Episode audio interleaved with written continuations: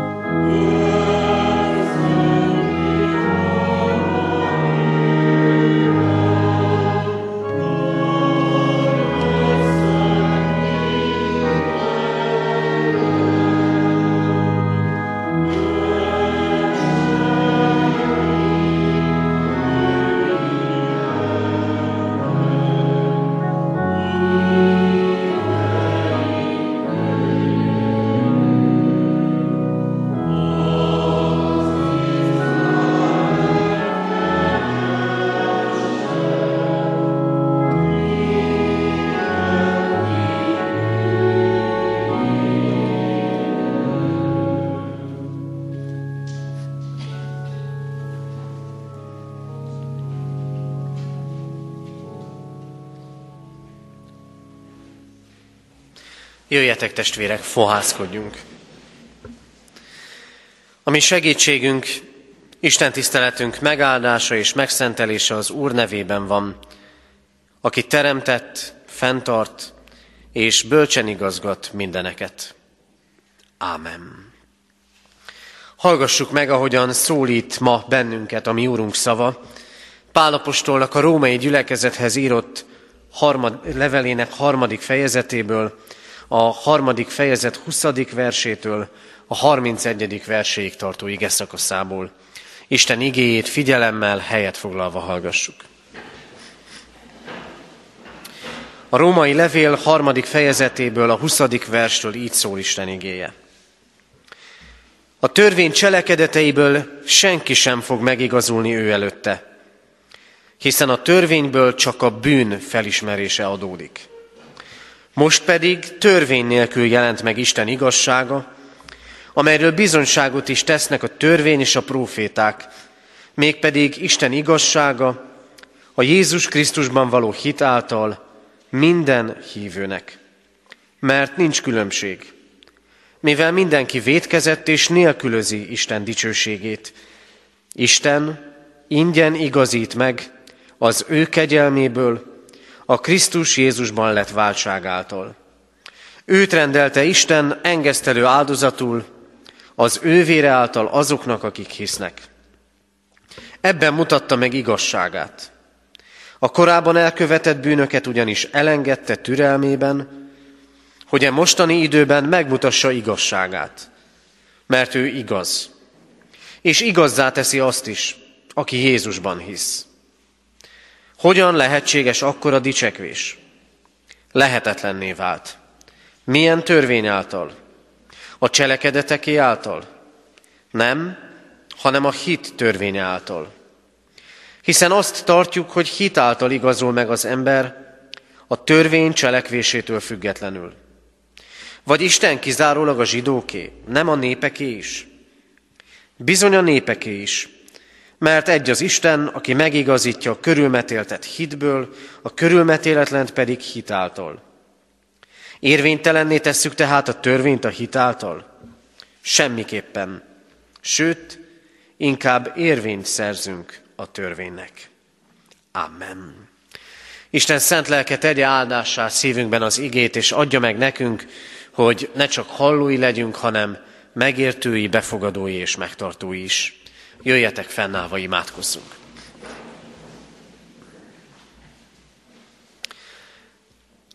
Áldunk téged, Urunk Istenünk, mert a te templomod a mi otthonunk is lehet. Köszönjük neked, Urunk, jelenlétedet. Azért, mert bár a világ nem tud befogadni téged, és benne mi magunk sem, hiszen a véges emberi hogyan tudna befogadni téged, a végtelen Istent. Te mégis itt vagy közöttünk, keresett társaságunkat, közösségünket, mert magadhoz akarsz emelni minnyájunkat. Áldunk téged, Urunk, mert vesződsz a mi életünk dolgaival, mert fontos neked jelenünk és jövendünk, mert utitársunk vagy egész életünkön keresztül, hogy új és új utakra vezess, hogy új és új helyzetekben láttasd meg közelségedet, legyen szó éppen valami örömről, valami hálára indító történésről, vagy éppen életünk nehéz időszakairól. És köszönjük, Urunk, hogy minden üzeneted és mindenkori jelenléted közepette a legfontosabbra irányítod a mi figyelmünket. Arra, hogy célunk, tőled rendelt célunk, a mi boldogságunk, örökké tartó üdvösségünk, hogy megérkezzünk a Te országodba. Istenünk, hálásak vagyunk mindazért, amit megadtál nekünk az elmúlt héten, és ami szükséges ahhoz, hogy az életünk jó kerékvágásban lehessen, hogy megadtad testi, lelki szükségeinknek a betöltését. Talán jöttünk úgy is, hogy valaminek hiányát érezzük. Add, hogy ez kinyissa életünket feléd, hogy vágyjunk a többre, amit tőled és benned kaphatunk.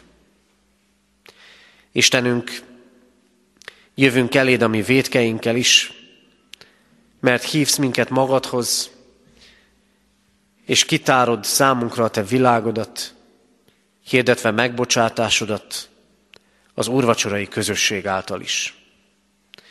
Istenünk, Add, hogy az Isten tisztelet perceiben csendességre találjunk, és erővel szólaljon meg számunkra a Te, a te igéd üzenete. Segíts, Urunk, hogy az életünk neked tetsző élet lehessen. Kérünk ezért szólj, taníts és vezess bennünket. Jézus Krisztus nevében kérünk, a lélek által. Amen. Isten igényének hallgatására készülve az 512. dicséretünk 5. versét énekeljük el. Az 512. dicséret 5. verse így kezdődik. Szólj, szólj én Istenem, szól hangodból a jóság. Az ének alatt a gyerekeket várjuk a gyermekisten tiszteleten.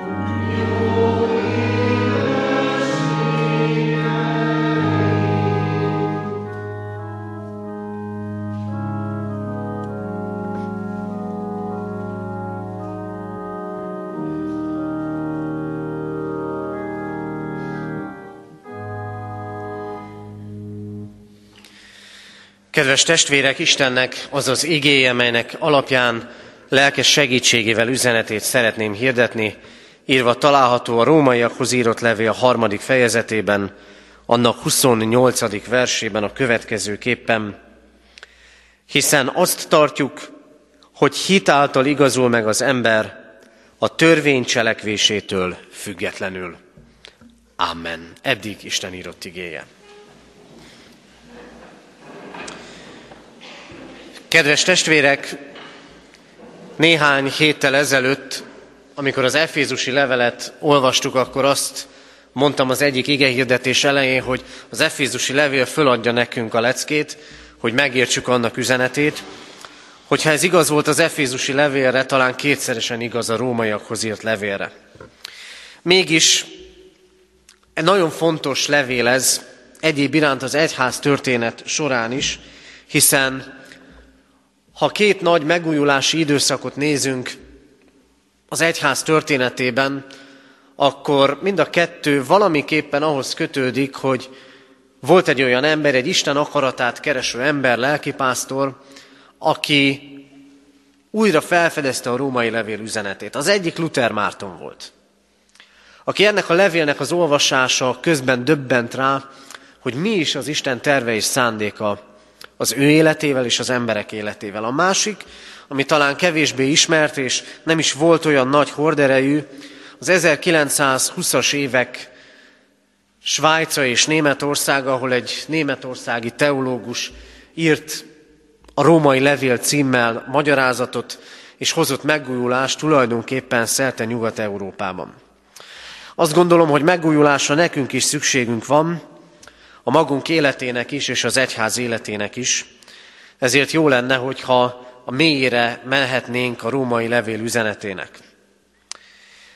Pedig, hogyha elkezdjük olvasni ezt a mai igét újból, akkor nagyon könnyű belebonyolódni. Miről is beszél itt az apostol? Mint hogyha száraz tényeket mondaná el nekünk, mintha valamiféle filozófiai levezetésnek tűnne mindaz, amit itt elmond az Isten igazságáról, meg az ember igazságáról, az Isten törvényéről, meg a kegyelemről. Szinte száraz logika van itt előttünk, mintha az észre akarna csak hatni az Isten üzenete. Nem könnyen megegyezhető ez az ige. Nincs ebben konkrét, olyan értelemben konkrét, egyszavas vagy egymondatos üzenet, amit be, bele tudnánk sűríteni a mondandóját. És nem olyan témákat ölel fel ez a mai ige, amelyek naponta érintenek és foglalkoztatnak bennünket. Azon gondolkodtam el ennek kapcsán, hogy általában úgy közelítünk az Istenhez, úgy keressük őt, hogy van az életünknek egy, egy nehézsége, egy problémája, egy kihívása, amiben talán választ várunk a mi úrunktól. Talán úgy hallgatunk igét, úgy olvasunk igét, hogy mi lehet az az egy mondat, az az egy gondolat, amiben belekapaszkodhatnánk. És mind a mellett, hogy ezek valóban nagyon fontosak, mert isteni választ kérünk és várunk az életünk helyzeteiben, rosszul gondolkodunk, ha mindig úgy gondoljuk, hogy a magunk életétől kellene elindulni az Istenhez. Hogy csak az Isten válaszol nekünk az életünk éppen aktuális történéseihez. Mert ez a mai ige nem ilyen válaszokat ad elénk. Ebben a mai igében az Isten arról beszél nekünk, amit ő tart fontosnak. Nem az életünk egy-egy helyzetére reagál, ha szabad ezt a szót használni, hanem az életünk egészének kínál megoldást. Elmondja azt, hogy az Istennek mi fontos. És azt mondja, hogy az Istennek az ember üdvössége, és az Istennek az ember igazsága fontos. Beszélnünk és gondolkodnunk kell erről. Meg kell értenünk, hogy miért akarja az Isten, hogy erről halljunk. Arról szól ez a mai ige, kedves testvérek, hogy egyedül, a saját erőnkből, és pusztán valamiféle magas minőségű erkölcsi szintnek a megtartásától, elérésétől nem lesz üdvösségünk. Kiózanítóan halt ez az üzenet, hogy a jó cselekvéséből nincsen üdvösségünk. Mit üzen számunkra ez az ige? Először is azt, hogy az Isten azt mondja nekünk, igaz emberré kell válnunk. Kiózanító az Isten üzenete. Mert azt mondja itt nekünk ebben az időben, mindenki vétkezett. Vagyis nincs isteni értelemben vett igaz ember. Azt gondolom, hogy ha az igazságról beszélünk és gondolkodunk, akkor azt talán kevésbé tudjuk megfogalmazni, hogy mi az igazság, az sokkal inkább, hogy mi az igazságtalanság. És azt kell, hogy, monda, azt kell, hogy mondjuk, hogy az igazságtalanság az át meg áthatja a társadalmunkat, a mindennapi viszonyainkat, talán a családunkat is szeretnénk igazságosak lenni, de sokszor nekünk sem sikerül. Máskor szenvedői vagyunk, elszenvedői mások igazságtalanságának. És mindeközben önigazolást keresünk. Rengeteg indulat is van bennünk emiatt. Az igazságtalanságot nem lehet a végtelenségig elhordozni. És mi a helyzet az igaz emberekkel? Amikor igaz emberekről gondolkodunk, akkor azt gondolom, hogy sokszor a múltba révedünk hogy régen voltak. Akár a történelmünk nagyjait, ha nézzük. Azok milyen igaz emberek voltak. Vagy nézzük az egyház történetének a nagyjait. Ha már az imént említettem Luther Mártont, említhetném Kávi Jánost is, meg századok református, katolikus, evangélikus, bármely valláshoz tartozó hitvallóit, igaz emberek voltak. De azért, hogyha egy kicsit közelebbről megnézi az ember az életüket, akkor nem nagyon van olyan élet, amiben ne lehetne találni olyat, amiben nem csak mi, hanem az Úristen is bele tud kötni. És hányszor élünk abban a hamis romantikában, hogy bezzeg régen még. Bezzeg régen még voltak igaz emberek. Kísért minket újra és újra ez a gondolat, de egyszer mint nagyon kiábrándító is, mert olybá tűnik, mintha ma nem lehetne igaz emberré lenni. Persze kellenek azok a régiek, akikre felnézünk, de tudjuk, ők maguk sem azok tökéletesen. Akit mi tisztának és igaznak látunk, azok is tele vannak emberi teherrel, nyomorúsággal, nem tudunk az életük hátteréről, talán nagyon sok mindent. A másik dolog, ami megfogalmazódik, és valahol teljességgel jogos ez az igény, ki legyen az igaz, az igazságos, a szeretetteljes, ha nem az egyház és a templomba járó emberek. Jogosan várja el a világ. Mondok egy súlyosabbat is, elvárja az Isten. Hogy a világ mit vár el, az egy dolog. De amit az Isten vár el, azt viszont nagyon is számon kell tartanunk. A világ is ugyanakkor azt várja tőlünk, mert az egyház mi vagyunk, azt várja tőlünk, hogy bizonyuljunk igaznak, fedhetetlennek, példamutató életűnek. És bennünket is terhel ez az ellentmondás. Mennyire szeretnénk a családban igazak lenni. Mennyire szeretnénk igazságosan ítélni, véleményt formálni, és mennyit szenvedünk attól, hogy nem tudunk mindig azok lenni. Igazzá kellene válni. Amikor az Isten ezt az igét elénk adja, azt tartjuk, hogy hitáltal igazul meg az ember, akkor ezzel azt üzeni számunkra, igazzá kell válnod. Nem szabad kevesebbel beérni. A lényed, a lelked mélyén kell igaz embernek lenned. És nem mondj le erről. Ma, amikor azt látjuk, hogy az emberek, talán mi magunk is, rengeteg dolgot feladnak. Az identitásukat, az értékeiket, még a jó értelemben vehető erkölcsi értékeket is, akkor az Isten ezzel az üzenettel határozottan irányt mutat, és azt mondja, neked azonban az a dolgod, hogy ilyen körülmények között is igaz ember legyen. Nem mondja azt az Isten, hogy hát látom, hogy a világ erre, erre megy. Akkor nyugodtan engedhetsz egy kicsit. Egy kicsit te is lejjebb vehetsz a mértékből. Az Isten azt mondja, csak az igaz ember üdvözül. Csak az az ember jut be az ő országába, aki mentes a vétkektől. És azért, amikor az Isten így szól, akkor tartást akar nekünk adni, akkor azt akarja, hogy jóra törekvő emberek, bűntelenné vált emberek legyünk. Az Isten minden üzenete, és az Isten minden tette arról szól, hogy az embert formálja, megtartsa és felemelje. Mert ő a törvényadó. És ő fogja megmondani, mi a jó és mi a rossz. Tulajdonképpen az az ember, az a közösség, az a társadalom, amely az Istennek nemet mond, az azt mondja ki, hogy jó így, ahogy mennek a dolgok. Az azt mondja ki, hogy maradhat ez így is. Talán nagyon határozottnak tűnik ez az iránymutatás. Az ige azonban világosan erről beszél.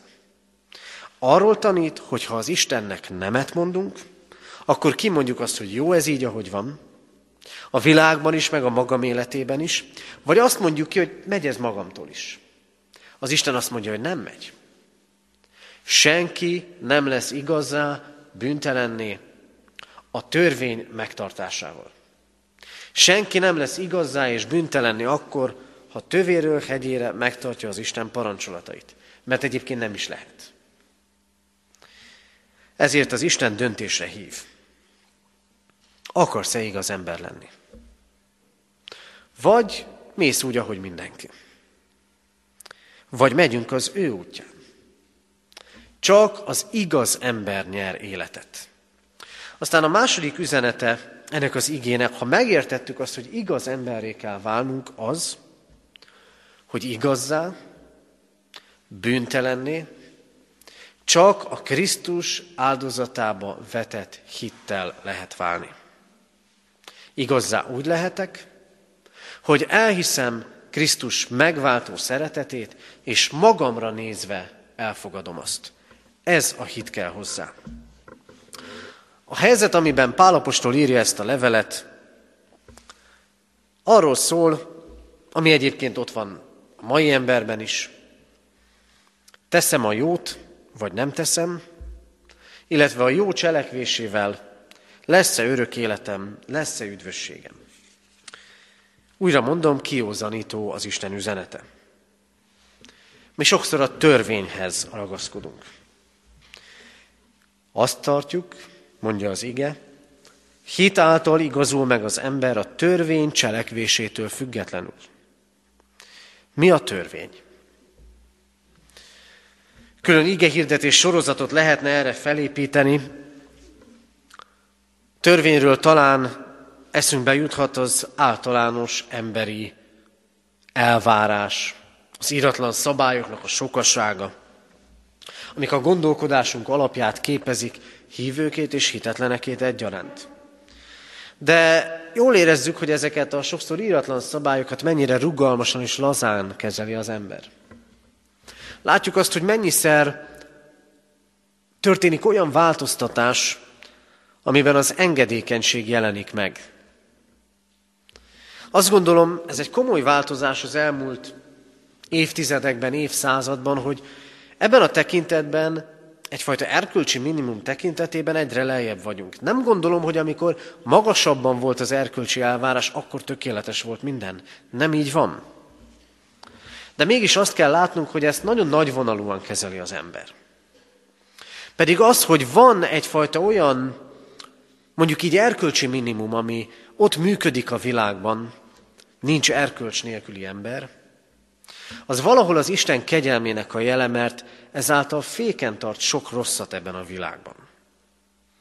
Ugyanakkor nem jó, ha pusztán az emberi mércéhez igazodunk. Mert nekünk az Isten mércéjéhez kell igazodni.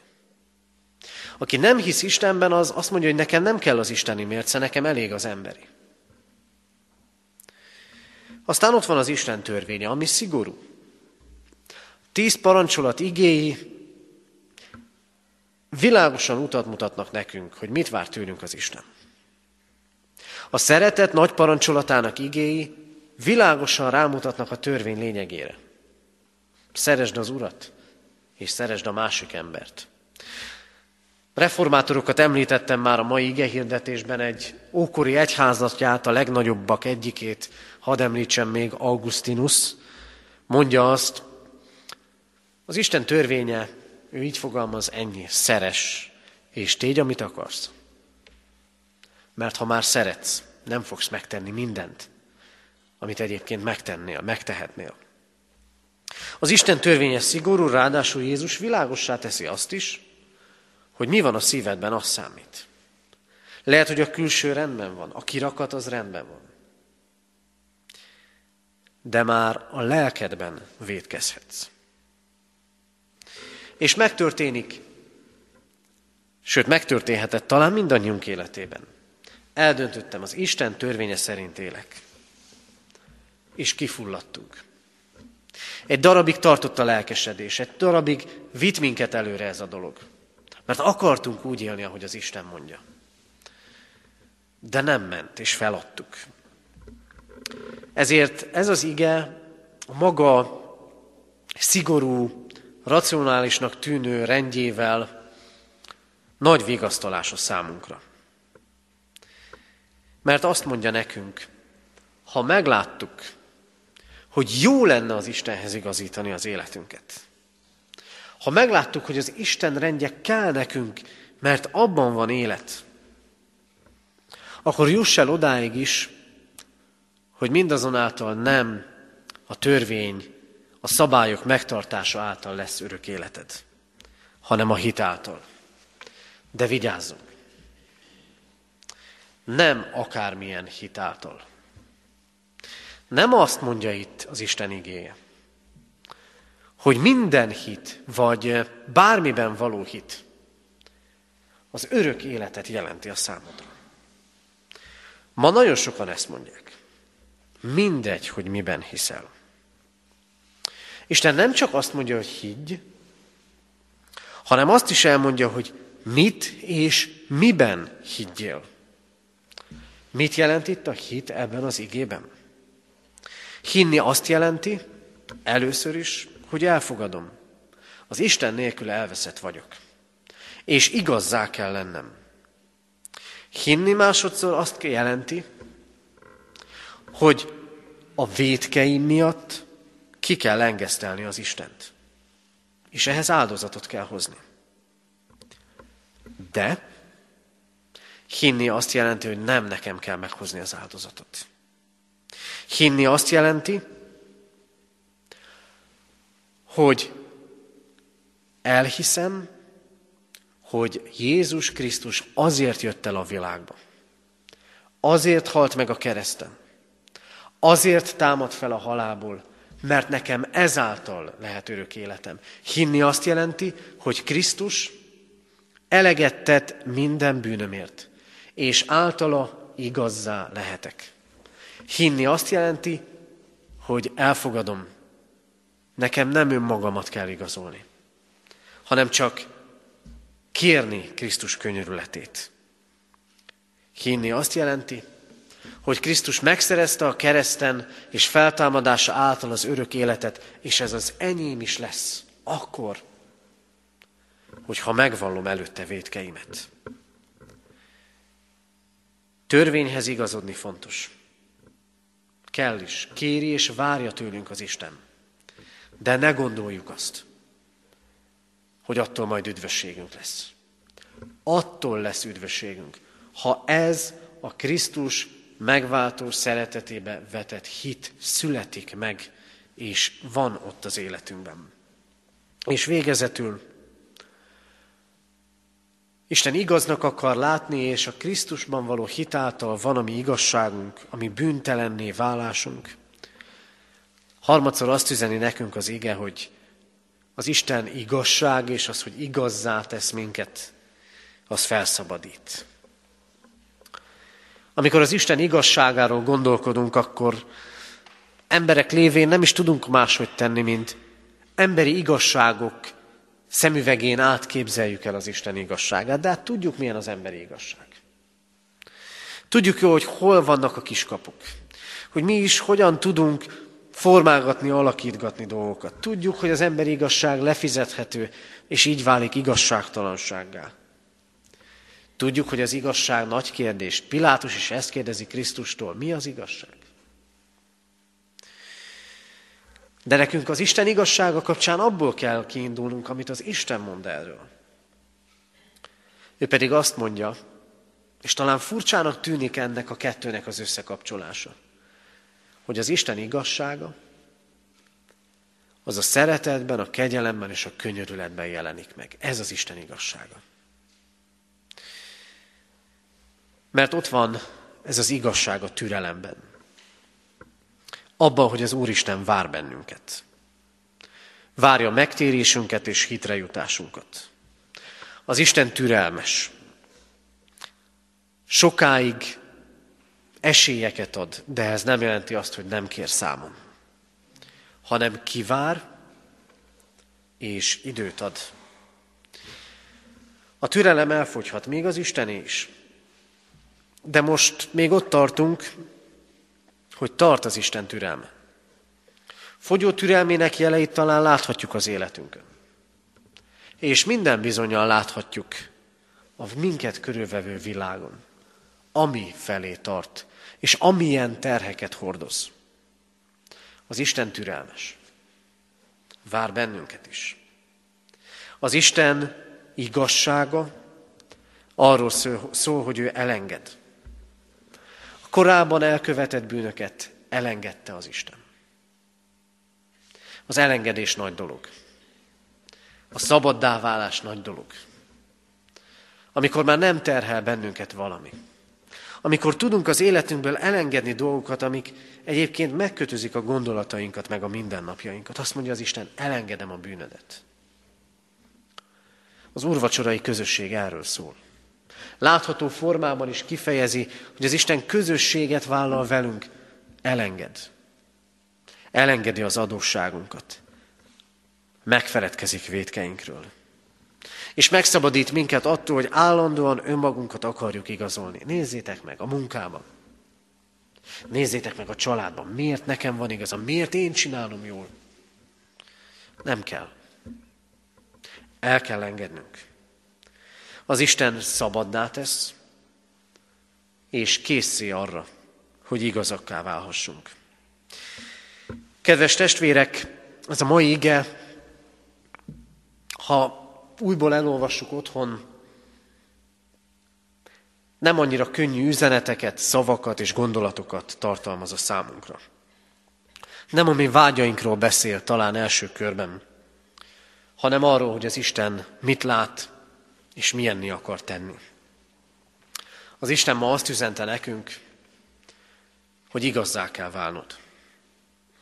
Hogy le kell tennünk a vétkeinket, és új életet kell kezdenünk. De azt üzeni nekünk, hogy ez önerőből nem megy. De a hitáltal igen. Nem bármilyen hitáltal, hanem a Krisztus megváltó, halálába vetett hitáltal. És az Isten elenged. Az Isten könyörül.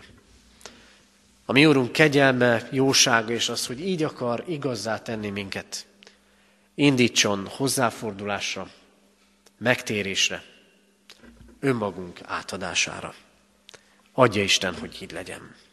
Ámen.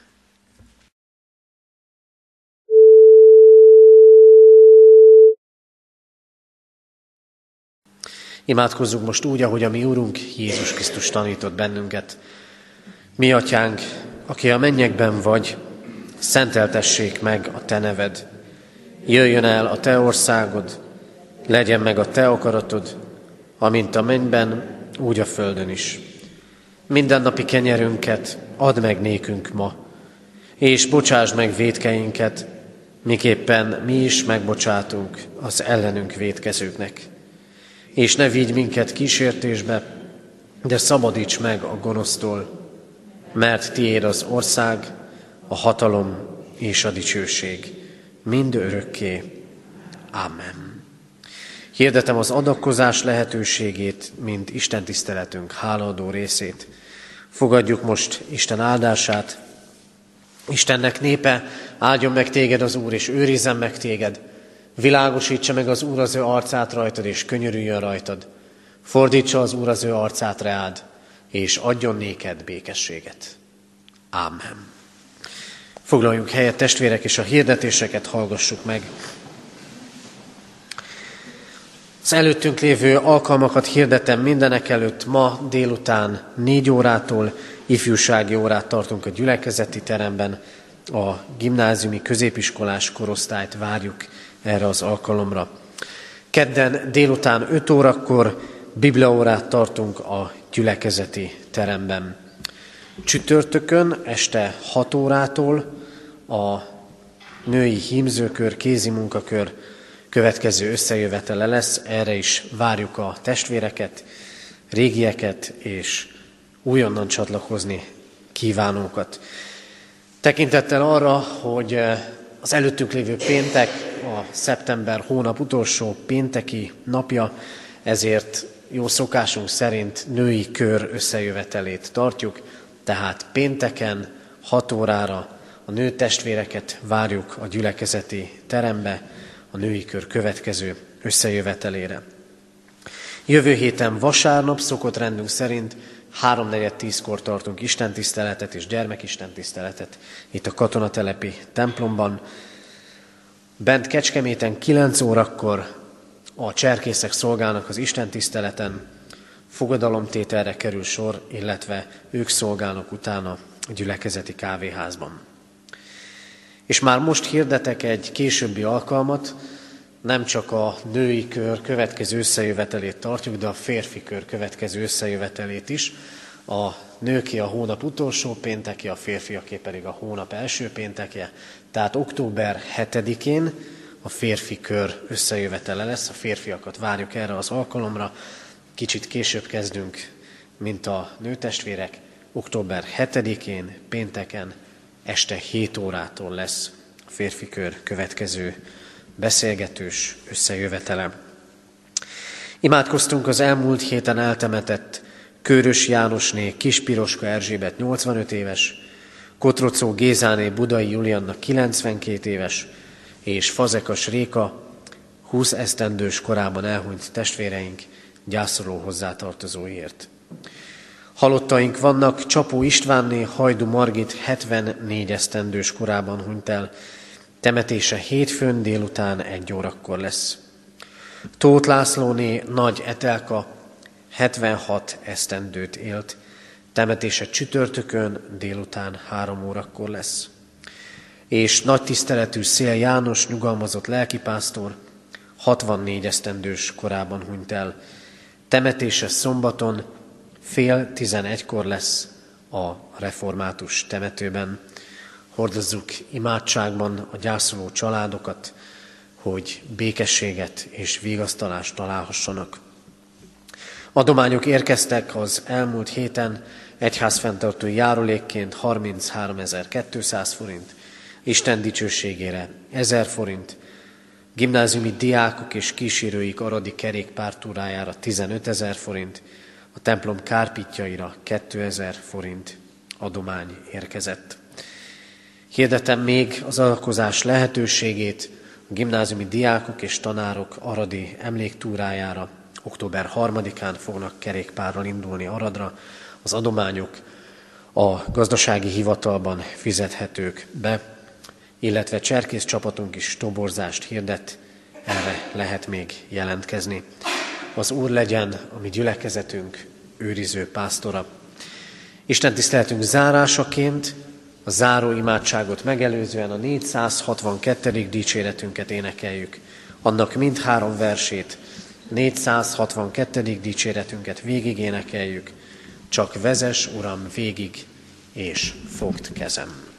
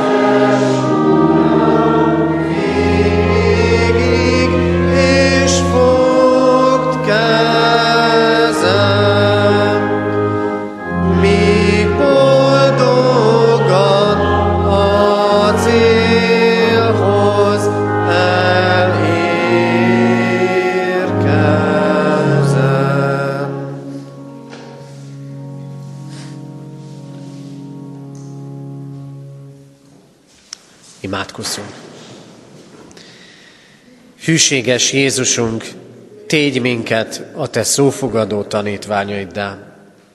Amen.